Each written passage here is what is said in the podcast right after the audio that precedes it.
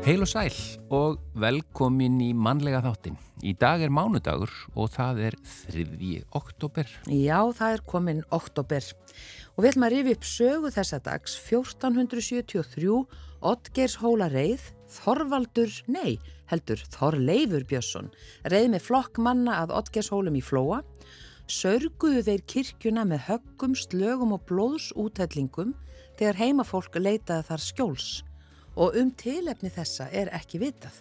Já, við erum aftur og aftur að segja einhverjar sögur af einhverjum svakarlegum atbyrðum á, á Sturlungaöld.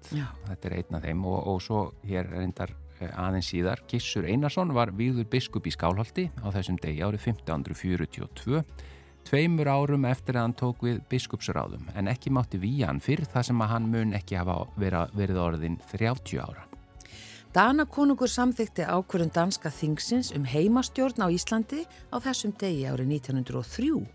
Skjaldarmerki Íslands var með konungsúrskurði ákveðið að vera skildi kvítur íslenskur fálki á bláum grunni er situr og snýr sér til vinstri.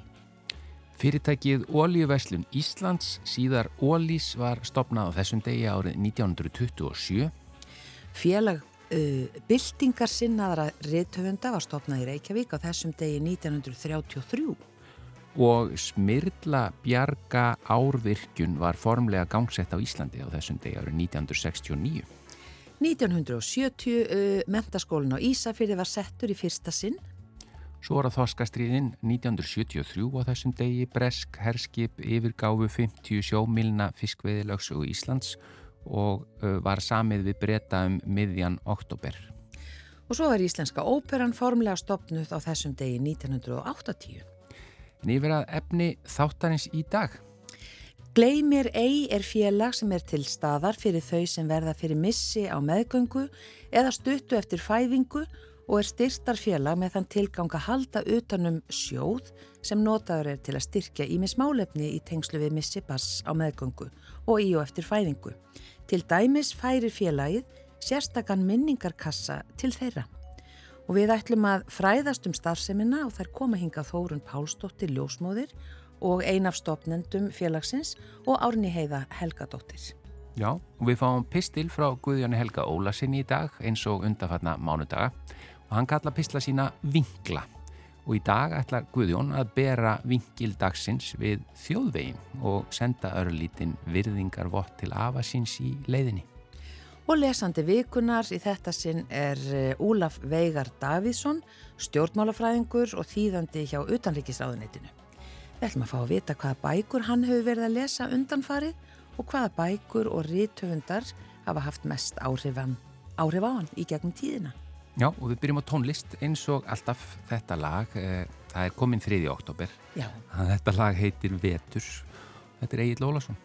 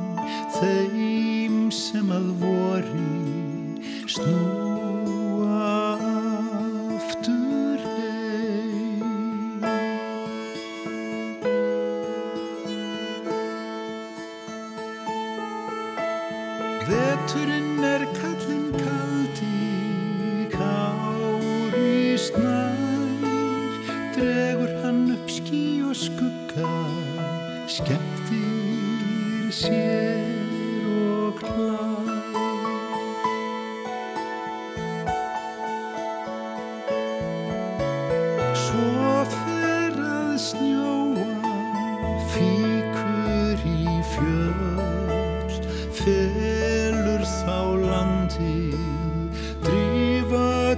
aftur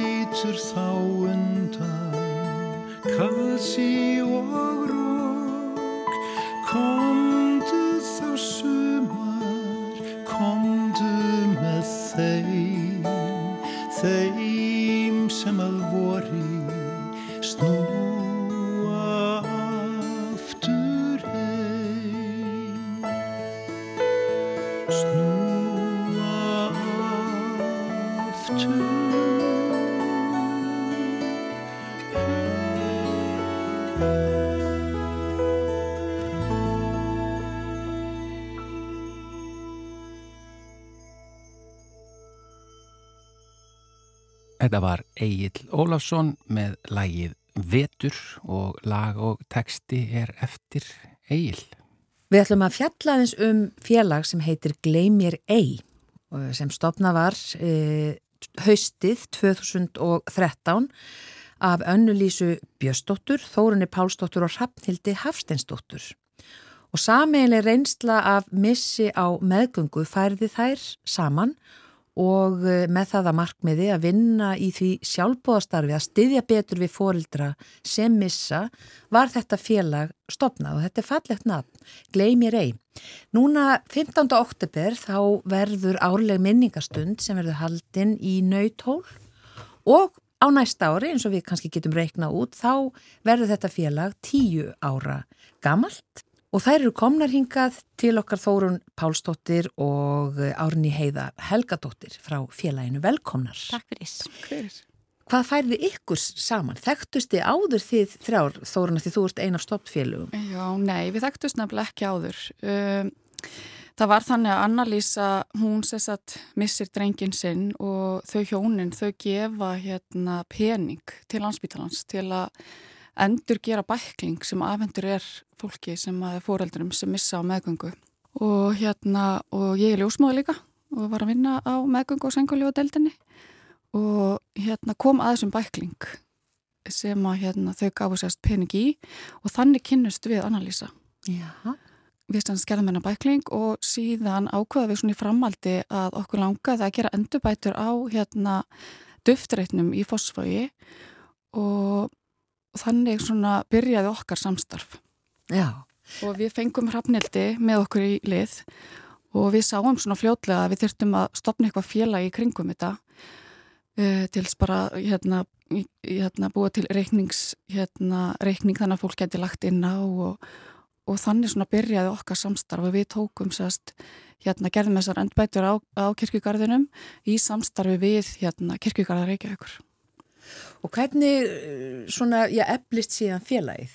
Veit þá fólk af ykkur eða hvernig? Já, svo bara, þetta átti náttúrulega bara að verða þessar endurbætur en svo bara, hérna, undið upp á sig og, við, og þetta varði einhvern veginn bara miklu starra en við ætluðum okkur. Þetta er einallegni en þannig málefni að þetta snerti bara svo ótrúlega marga. Já, og svo byrjuðum við að vera með þess að, hérna, minningastund sem við höfum verið með alltaf hérna eins og ári, semst 15. oktober sem er svona dagur sem er ætlaður hérna missi á meðgöngu og basmissi og við höfum alltaf verið í kirkjum bara flakka svona milli kirkuna í hérna á höfuborgarsvæðinu og og núna í ár ætlum við að breyta eins til og ætlum að vera á nautól og siðment ætlum að vera með okkur. Já. Ná, Við ætlum aðeins svona breyta til Já. kannski að hafa það svona til allra ekki Já. bara að vera í kirkjónum. Einmitt. E, það er talið að eina af hverjum þremur konum missi mm -hmm. fóstur á sínu frjósemiskeiði og, og þessar rannsóknir og upplýsingar um fóstumissi eru af skornum skamti í rauninni mm. og það er bara svo stutt síðan að einhvern veginn fólk bara bar þennan harm í hljóði og, og svona var ekkert talað um þetta. Mm. Er þetta ennþá svona sveipa þagnarhjúpi eða hvað? Þessi missir? Um, ég myndi segja að sé ennþá svolítið missir, eða missir fyrir tólveikur á meðgöngu. Það er ennþá svona svolítið eh, þakka niður eða, eða kannski ekki þakka niður meira bara svona fólk heldur í svolítið fyrir sjálft sig. Um, en við hefum til dæmis aðeins nertina því gáðum nýla át bæklingum sorgun sem fylgjum með syndið tólveikum en missir eftir það þá er svona eins og þá ertu búin að segja allum frá og þá segja allum frá meðgöngunni og þá er eins og veist, missirinn eftir það sé svona meira orðin, hvað maður segja, ofinber þess að meira rætt um þetta en mm -hmm. það er samt alveg bara, það er samt alveg stutt síðan það var mm -hmm. það hérna... En hérna á Íslandi er þetta kannski, ég veit ekki 80-100 konur sem Já. eru að missa frásennst á 12, 12 og upp í 40 vikur Já, Já þetta er stór hópur Já, mm -hmm. og alveg þarf fyrir félagi eins og okkar Já. og við erum náttúrulega að gera margt annað en að vera með þessa minningastund. Við erum líka með hérna minningakassa sem að allir fóraldra sem missa fá afhendan sest, upp á landsbytala og það er þá gleymir eða sem gefur þennan kassa. Og í þessum kassa er þá, þú veist, til þess að gera handar og fótar fyrr, taka hárlokk kertastjaki bæklingar, minningabækur. litli ljósa. Já, einmitt. Og þetta er rauninni kannski svolítið stærsti hlutin af okkar starfsemi. Það er Minningakassin. Minningakassarnir. Fólkdrarinn finnst rosalega dýrmætt að fá þessa kassa. Já, þannig að það byður um þá?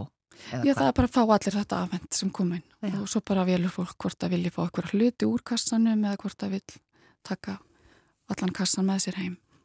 Já. Það skiptir svo ótrúlega miklu máli ég eitthvað minningar og að taka myndir og þú veist eins og þú nefndir hérna áðan áður fyrr þá, þá var þetta ekkert gert. Nei. Þú veist, fóraldinni fengu ekki eins og sjá sjá barnið sitt veist, og voru ekki tegna neina myndir og áttir engar mynningar maður meir sér fengi bara sögur maður bara eftir að við fórum í gegnum okkar með sér mikið fólki sem nálgast með bara fullanum fólki sem að hafði það sögur bara já ég man eftir að mamma fór óleitt á spítalan mm -hmm. svo kom hún heim það var ekkit barn og þetta var bara ekkit rætt. Það var bara svona já Mm -hmm. Þetta átti þetta... svolítið bara að gleymast og það átti ekkert að tala um þetta aftur og bara halda áfram. Já, akkurat. En hérna, fóreldrar þurfa að vinna úr þessu, þú veist, þetta er mikið áfall að missa barnameðgöngu eða í fæðingu, eftir fæðingu og, og þú veist, þetta er eitthvað sem þarf að ræða um og, og hérna, og þá þarf að vinna úr þessu. Já, einmitt. Þetta er mikið áfall. Svona, hver er ykkar reynsla og hvernig svona, já, viðmót og tjónustu fengu þið? Alveg ofsalega góða alveg bara allt ferli sem við fórum gegnum var bara ofsalega vel unnið.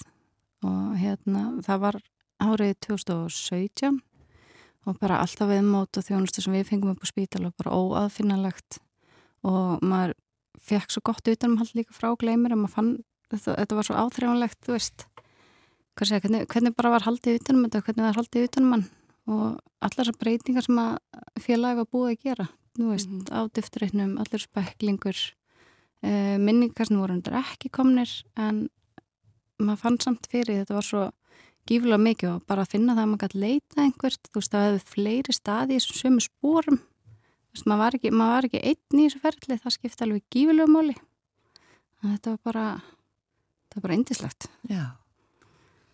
En, en svo, þér Þórun? Það er svo langt síðan að ég misti ég misti 2005 það var hérna fyrsti drengurinn minn sem við mistum og þurftum að binda enda á meðgönguna því það var alvarlegu fórstugalli og síðan fer ég í ljósmærinámið e, tveimur árum setna og, og hérna og síðan hefur þetta bara svolítið verið svona mín mín ástriða að, að hérna, við gerum þetta vel og já. að hérna, við séum alltaf að reyna að gera betur. Þannig að þið fannst vanta upp á ímislegt Já, mér fannst vanta, já.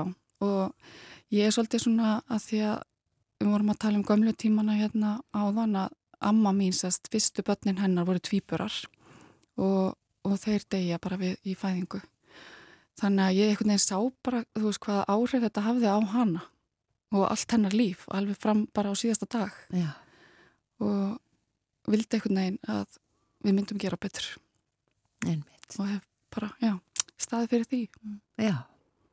E, þið ætlið að halda ráðstefnu segja okkur frá því í svona tengslum við tíara amalið á næsta ári þá? Já, við ætlum að halda hérna svona fræðsludag fyrir heilbreið starfsfólk, þá aðalega ljósmaður og lækna.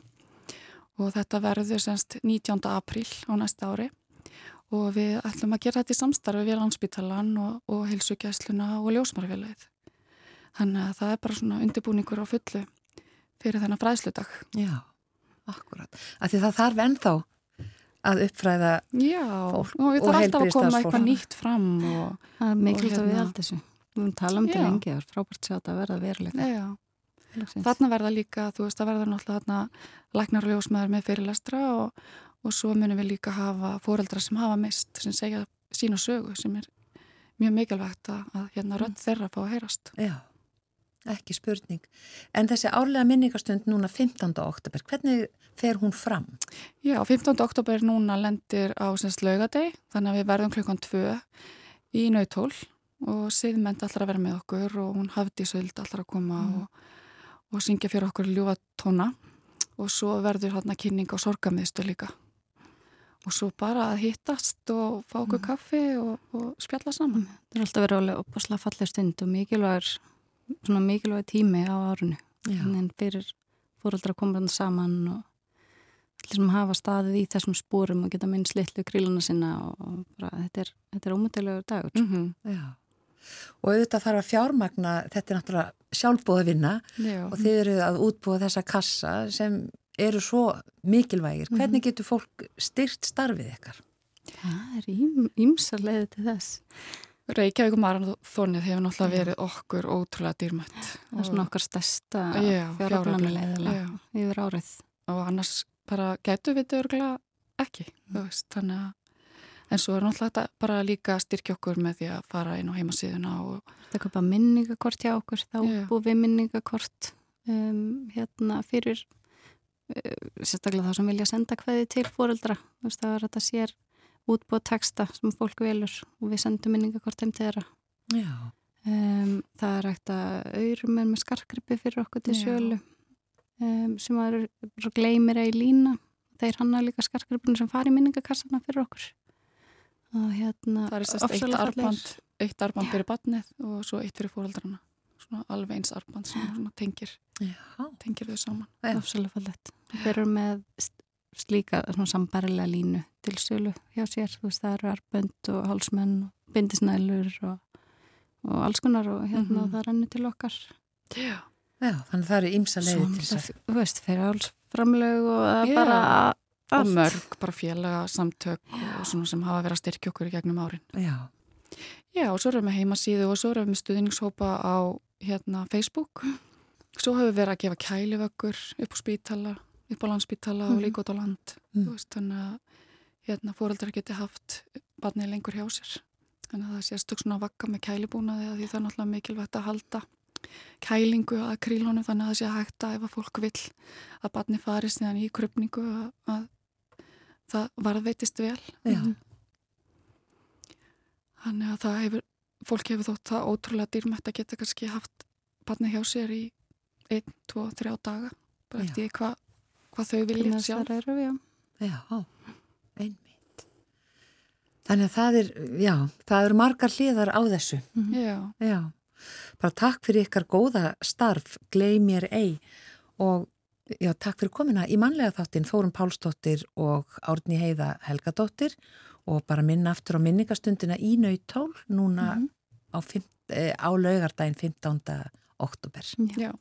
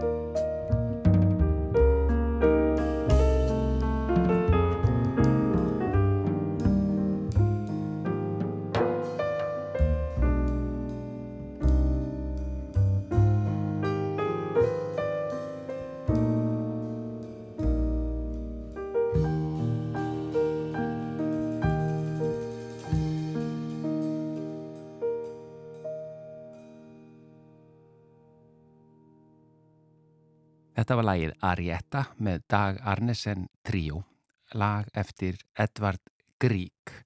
En nú er komið að písli frá Guðjáni Helga Ólasinni.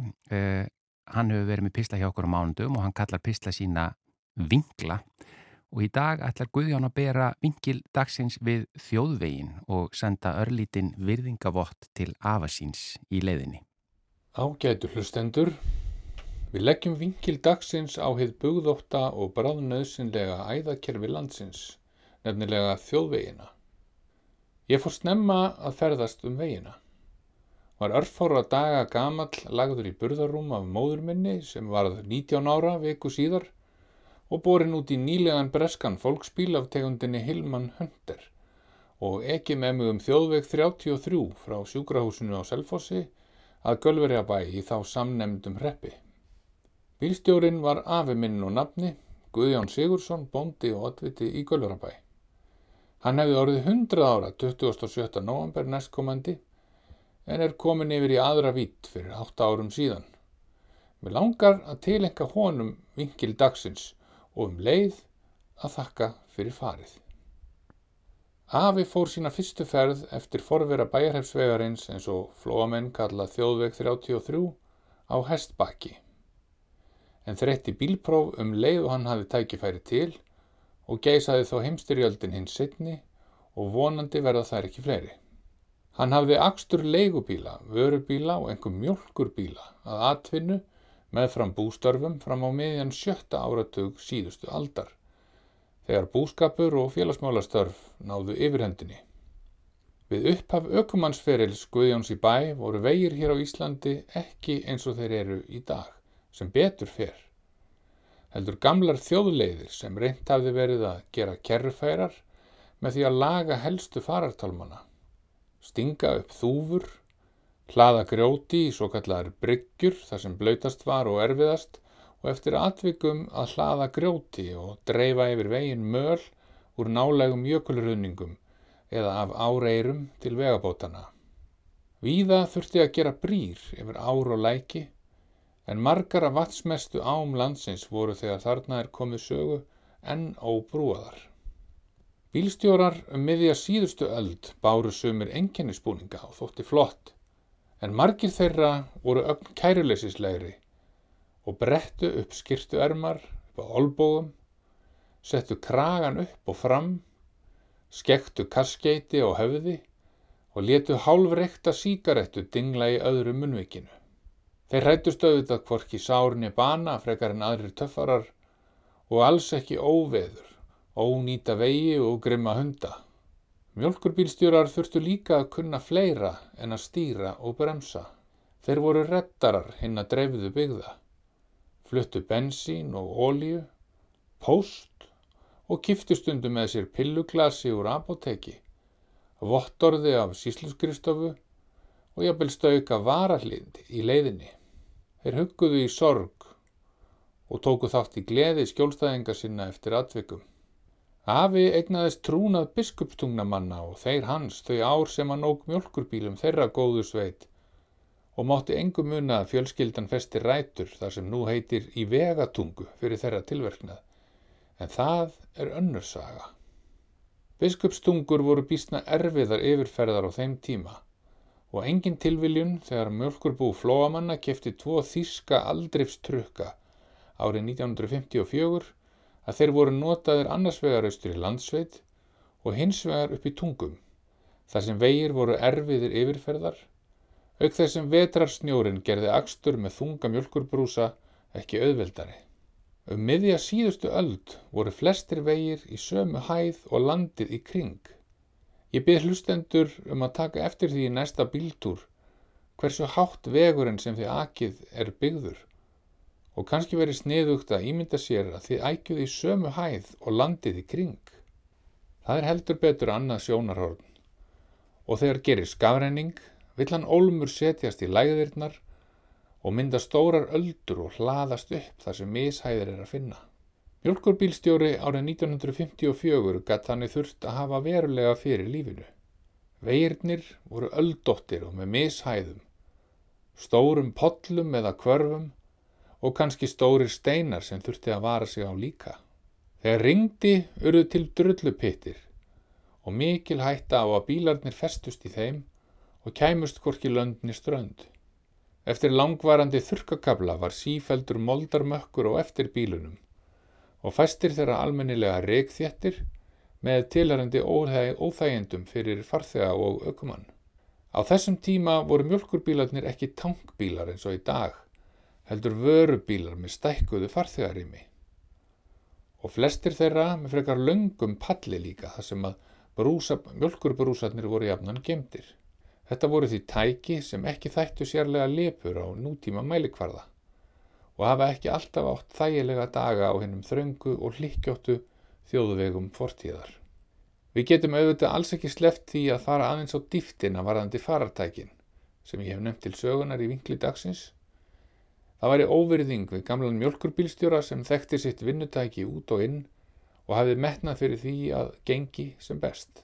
Afi ák fyrst Chevrolet AK mjölkurbíl af árgerð 1942 með 93 hestafla bensínvél, íslensku húsi og palli, svo kalluðum hálfkassabíl, en þeir hafðu pláss fyrir nokkra farþega í húsinu og um 70 mjölkurbrúsa á pallinum. Ekkert hjálparáttak var á bremsum eða stýri, var af öðvaaflið og vissara að framkvæma allar stórkostlegar breytingar á stefnubílsins eða röðun með góðum fyrvara. Lettin var stórsniður bíl að mörgu leiti en orðin mjög ríflega hlaðin með þessu stóra húsi og fullum palli af brúsum. Þannig voru brotin fjadrablöð frekar algengt viðfangsefni.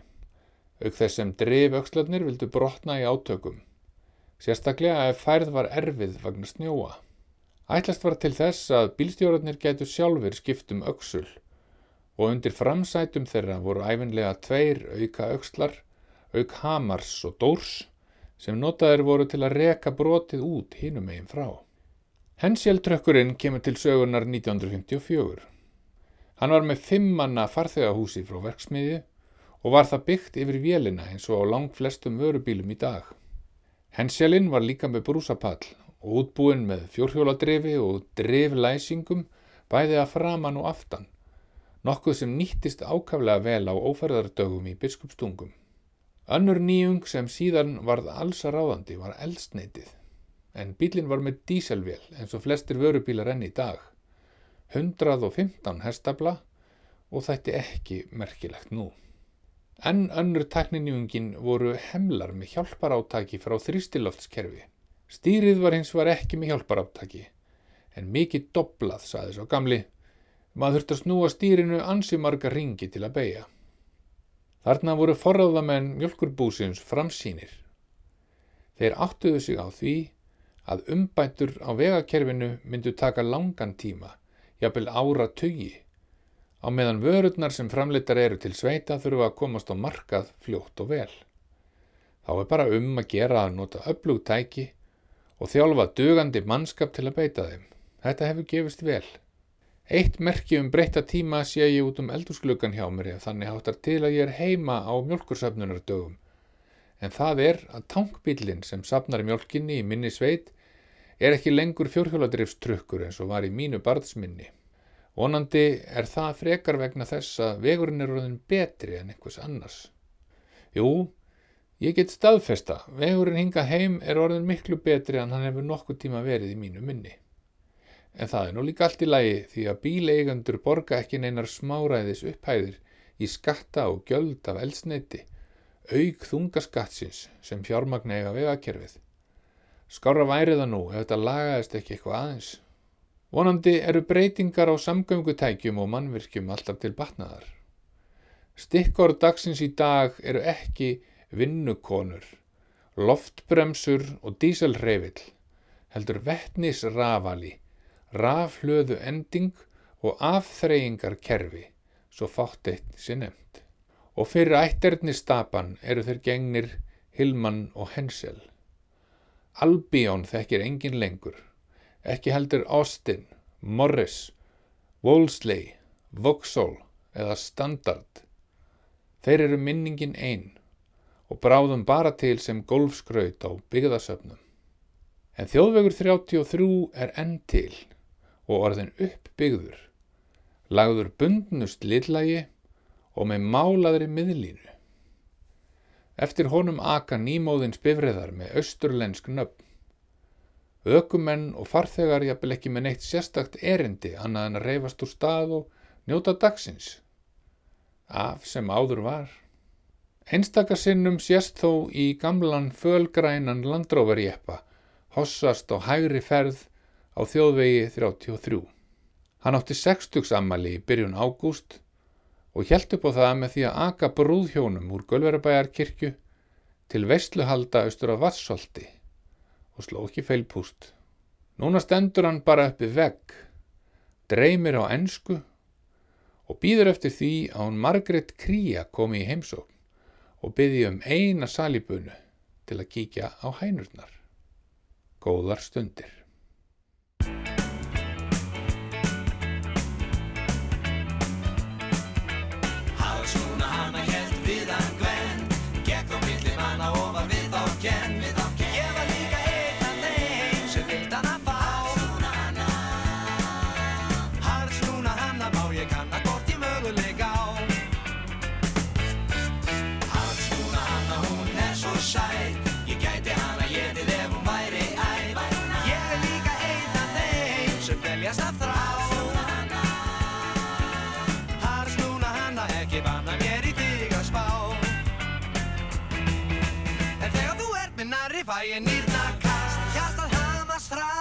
Hraðar og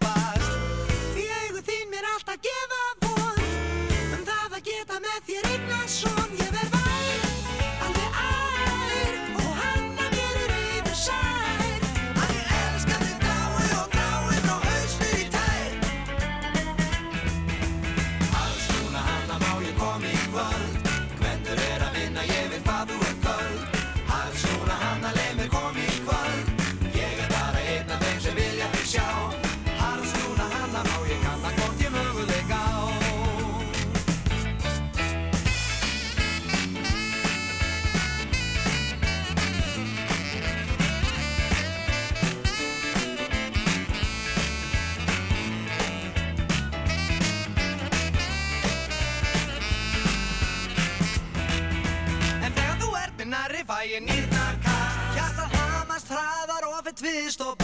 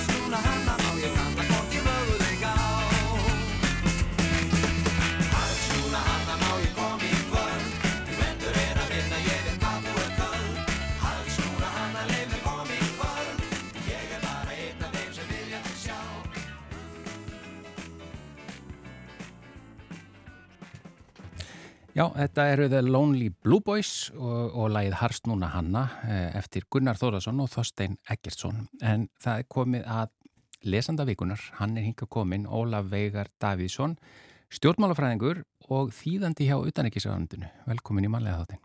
Takk fyrir. Bara aðeins svona, segðu okkur aðeins frá þér, þannig að við vitum aðeins hvað ertu að þýða hjá utanekisraðandinu. Sko ég er að þýða, ef ekki að segja, tækni þýðingar. Það er að segja við erum að þýða uh, Evropureglugerðir og Evropumál svona, sem að koma inn þar. Við þýðum fyrir uh, öll, allt stjórnaráðið, þannig að þetta er ekki bara fyrir utryggisráðið.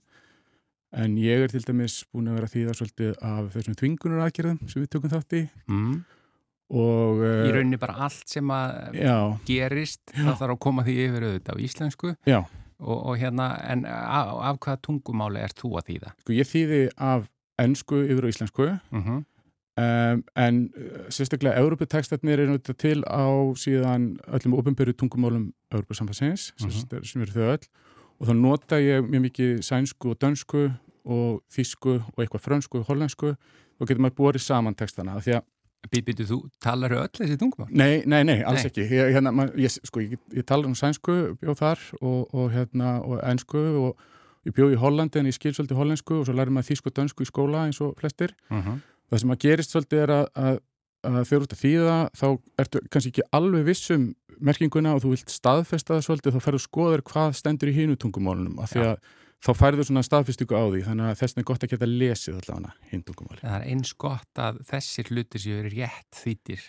Já, já, Getur ekki bara að koma á vitlisum stað breytt mörg bara miklu? getur breytt öllu. Það, og þetta er, þess, þetta er mjög svona nákvæmt þetta er kannski ekki fallegustu textatnir, en þetta er mjög mikið nákvæmisvinna Þetta er ekki fagur bókmentir kannski? Já, Nei. Já, einhverjum kannski finnst það. Eh, ekki mér, en, en, en, hérna, en þetta er rosalega skemmtilegt. Já, já, Já, og, og að því ég er stjórnmálafræðingur og, og lærið stjórnmálafræði og þýðingar. Já.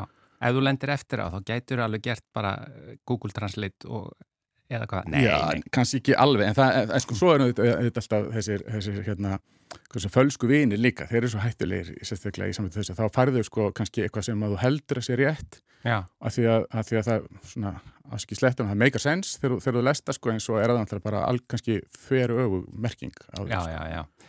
Já, heyrðu, en þetta er áhugavert, eh, en mér var bent á og þú getur verið skemmtilegu kandidat í að vera lesandi vikunar eh, og það því þú eðlilega lest mjög mikið í vinnunni en þú lest líka mikið eh, bara í þínum frítíma.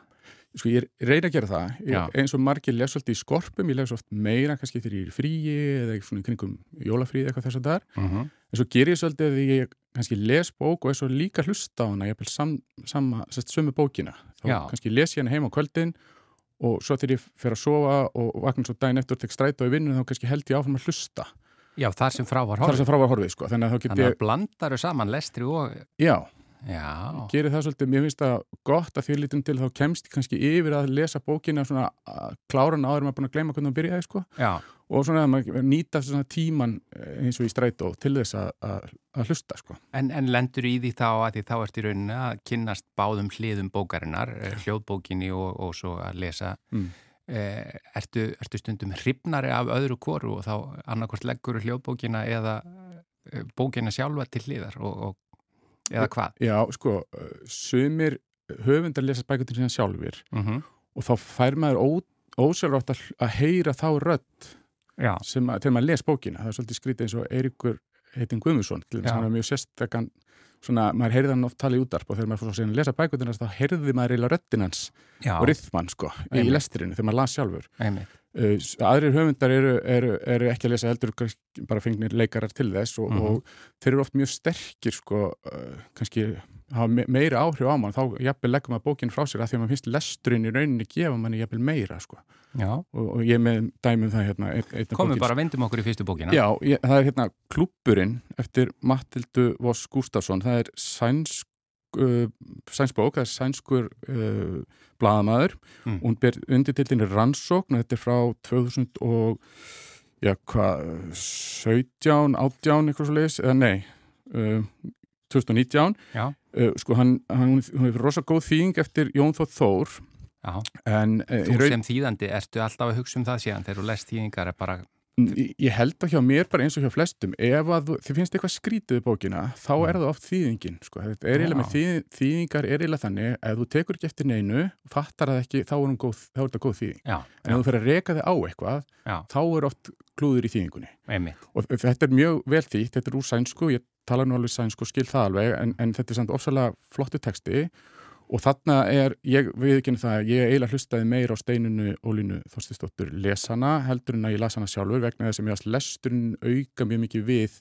dýftinni í bókin, hún gaf mér meira með því að hlusta á já, og, og í þessu tilfelli. í þess, þessu tilfelli. en hvernig bók er þetta um? Hvað er hún? Sko þetta er rannsókn, þetta er sem sagt, rannsóknarblaðamaður og þetta fjallar um uh, þetta stóran hengsli í kringum uh, uh, sænsku akademíuna sagt uh, út af það kemur upp að, að það fóru að vera það var leki, það fóru einhverju aðeinar að vita hverjir vera að fá nóbusvelun í bókmentum áður en það var tilkynnt Já, og, Nobels Akademían. já, já, Já. og, og sænska konungla akademían Já, og svo kemur upp stórt mál í kringum að það var rauninni eiginmaður eins meðlima akademíunar sem lag þessum upplýsingum og svo var hann líka kynferðis glæpamaður rauninni, hann var sérst misnotað aðstöðu sína og, og kom bara illa fram við fólk en maður hérna Já, þetta, þetta er ekki skáldsað, þetta, þetta er heimild Þetta er, heim, þetta er bara rannsók og, og hún er rosalega áhugaverð. Þetta var mikið í fjölmjölum svona um það leiti sem ég var að flytja heim frá Svíþjóð. Já, og, þetta var risamál. Risamál, ég meina þeir senkuðu sko aðfindingu bókmentavelunana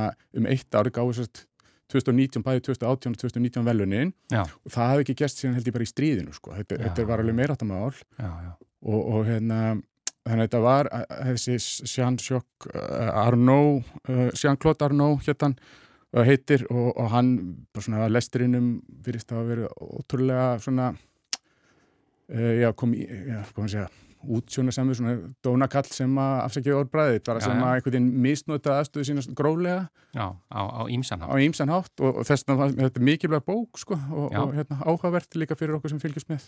Og þú hallaðist aðeins meira að e, hljóðbókinni þar því hún var vel lesin hjá stein Já, mér fannst það, mér fannst hún bara rosa góð sko. Hvað ertu með hérna önnur, e, önnur bók? Herru, ég er með hérna Ariasmann sem að með undir titil Frásaga kvalfengurum eftir Tapio Koivukari afsækja framburð á finskunni, þetta er sérst finskur rittvöndur uh -huh. sem var smíðakennari á Ísafriði Já. Og þegar hann kemur vestur og það átt hann að sjá því að það var hérna einhver stór saga sem hafi ekki verið mikið sögð endilega þó að Íslendikar verið að reyna hana sjálfur meðal hans Jón Lærði reynda segja söguna og var að gaggrina Ari Ögri og þessar ákvarðunum að, að reyna að gefa út uh, uh, hvað maður segja, myrða í rauninni bara þessa basknisku kvalfangara og nú, Jón, Jón var sendið bara í útlegð fyrir vikið Já. en þetta er einmitt mjög góð þýðing eftir Sigur Karlsson úr finsku uh -huh. og maður svona eiginlega verður alltaf svona fyllist lotningu af fólki sem að þorir að þýða úr ykkur svona tungumáli svo finsku, ég skil nú ekki eitt stakt orði í þessu sko. Já, ef ég skil rétt þá eru sko 14 föll eða eitthvað svo leis Já.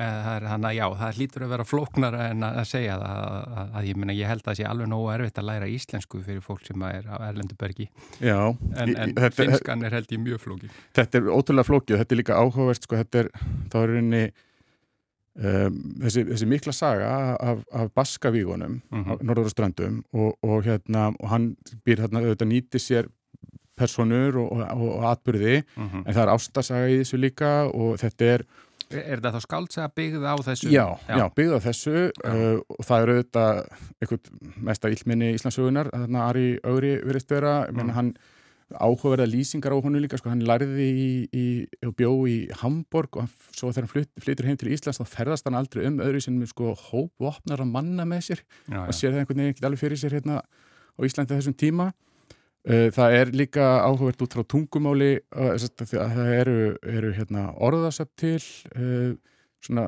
það er náttúrulega ekki orðabækur það eru orðasöpna því að baskatnir og Íslandi getur átt í samskiptum um vestlun og sliðis og það er kannski svolítið áhugavert líka þessu að upphæfi bókarinn er rosa mikla lýsingar á verkfærum og skipum og veiði aðfyrir mjög leys, ég man eftir að kona mín átti smá erfitt með að komast í gegnum það svona til að byrja með. Já, já. en svo er þetta, þetta er bara mjög góð bók og mjög svona hillandi Hvenar gerist aftur þessi?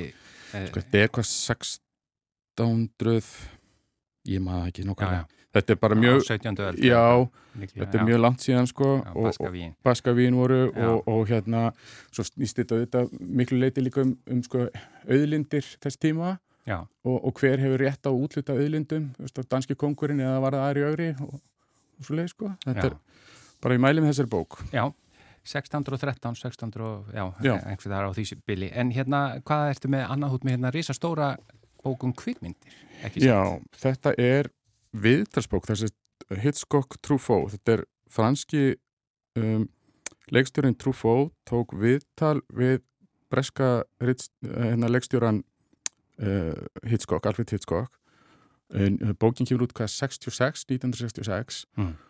og hún er fyrst og fremst uh, áhugaverð finnst mér vegna þess að það er svona verið að krifja bæði sögu um, byggingu og kvikmyndagerð og sko myndskott og annað þess að þar og hann hérna Gunnar Björn Guðmundsson leikstjóri lánaði mér nú fyrst eindakið sitt og svo sá ég að þetta var bók sem ég þurfti bara að eiga þannig ég kæft mér eindak og búin að ofta flett upp í henni Erstu svona mikill kvikmynda áhuga maður? Já, sko ég hef mjög mikið áhuga á kvikmynda, já. En, já. en ég er svo sem ekki alltaf í bíó eða eitthvað svo leiðis en mér er svona svona góðar kvikmyndir hérna höfða til mín. Og, og margt því sem Hitchcock hefur verið að gera finnst mér rosalega flott sem dæmi. Þannig Þetta eru fast... nú tveir svona meistarar að tala saman. Já, en áhugavert líka sko að því nú í þýðingunum að, að þeir eru að tala saman sko með aðstóð tólks Já. og þannig kannski mitt svona skemmtilegt sko að núna eru við að tala saman í útarp um bókum kvikmyndir. Já, já. það sem að sagt, frakki og englindi voru að tala saman með aðstóð tólks og getur eitt ímyndaður hvað þetta eru mikið flækja sko. En, en þetta er allavega, þetta breytir svolítið hvernig maður horfir á kvikmyndir og er inn í lesögur og, og þess að það og það er svona Þetta er svona svolítið, það setur ákveðna reglur sem þú kannski áttar ekki á sem áhórandi uh, endilega fyrir þú fattar, þetta og þá fyrir að skilja betur sko þetta klassiska í listum að þú þurft að þekkja reglundan þess að vita hvernig þú mátt brjóta það er. Já, já. Og maður sér að til dæmis, eh, bara gott dæmi er hérna Tarantino í Pulp Fiction þegar í miðri mynd hann, hann drefur hérna, John Travolta karterinn og þá brá öllum rosalega mikið. Sko, þá já, er hann að brjóta eina regluna sem við erum búin að fylgja John Travolta alla myndina, svo allt inn er bara deyra henni miðri mynd og þá spyrir við bara hvað gerist núna og þá, það er eina af þessum reglum sem hann er að tala um. Svo auðvitað leikur hann á okkur með því að Já. Það, er kannski ekki það síðasta sem sjá, já, nei, nei, akkurat. Skulum ekki skemmana fyrir neinu. Nei, nei, en, en þetta er svona, svona gott dæmi og, og svo útskýra hann líka þetta fræga með það sem hann kallar MacGuffin. Sem að margir þekkja, það er rauninni ekki, það er að segja, það er ekki hlutur sem að viðkomandi er að leita að, heldur rauninni leit hans að hlutnum sem að geri spennuna í sögunni. Já.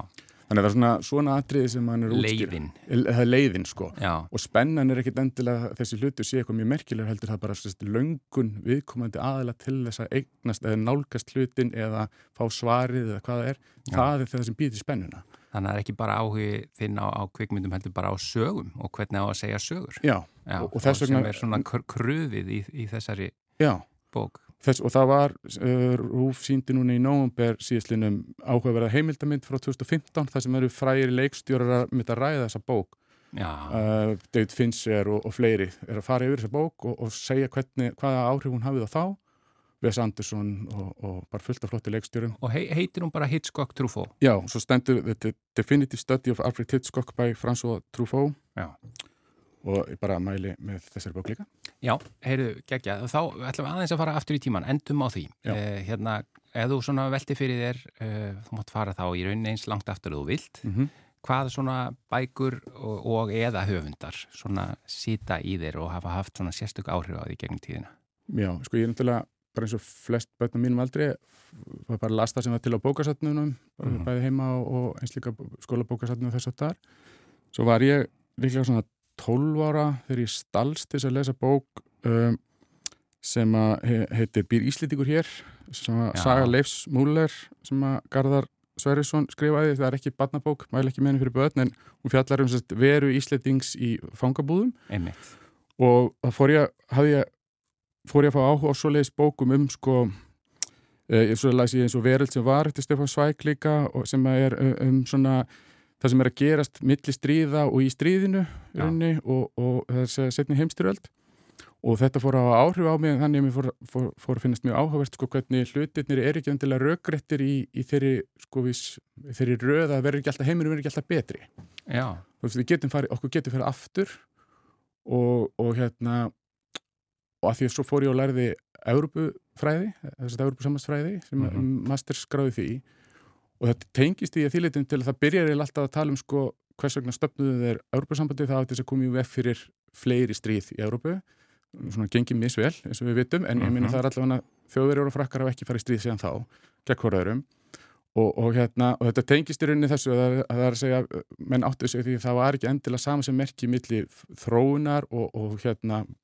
og þess og svo þess að við værim alltaf að vera með betra og betri heim og, og hérna, ég greif nú með mér einmitt líka hérna, það er frábær bók sem heitir um harstjórn stuttbók uh, eftir Timothy Snyder sem komundur Andri Tórsson þitti nýlega mm.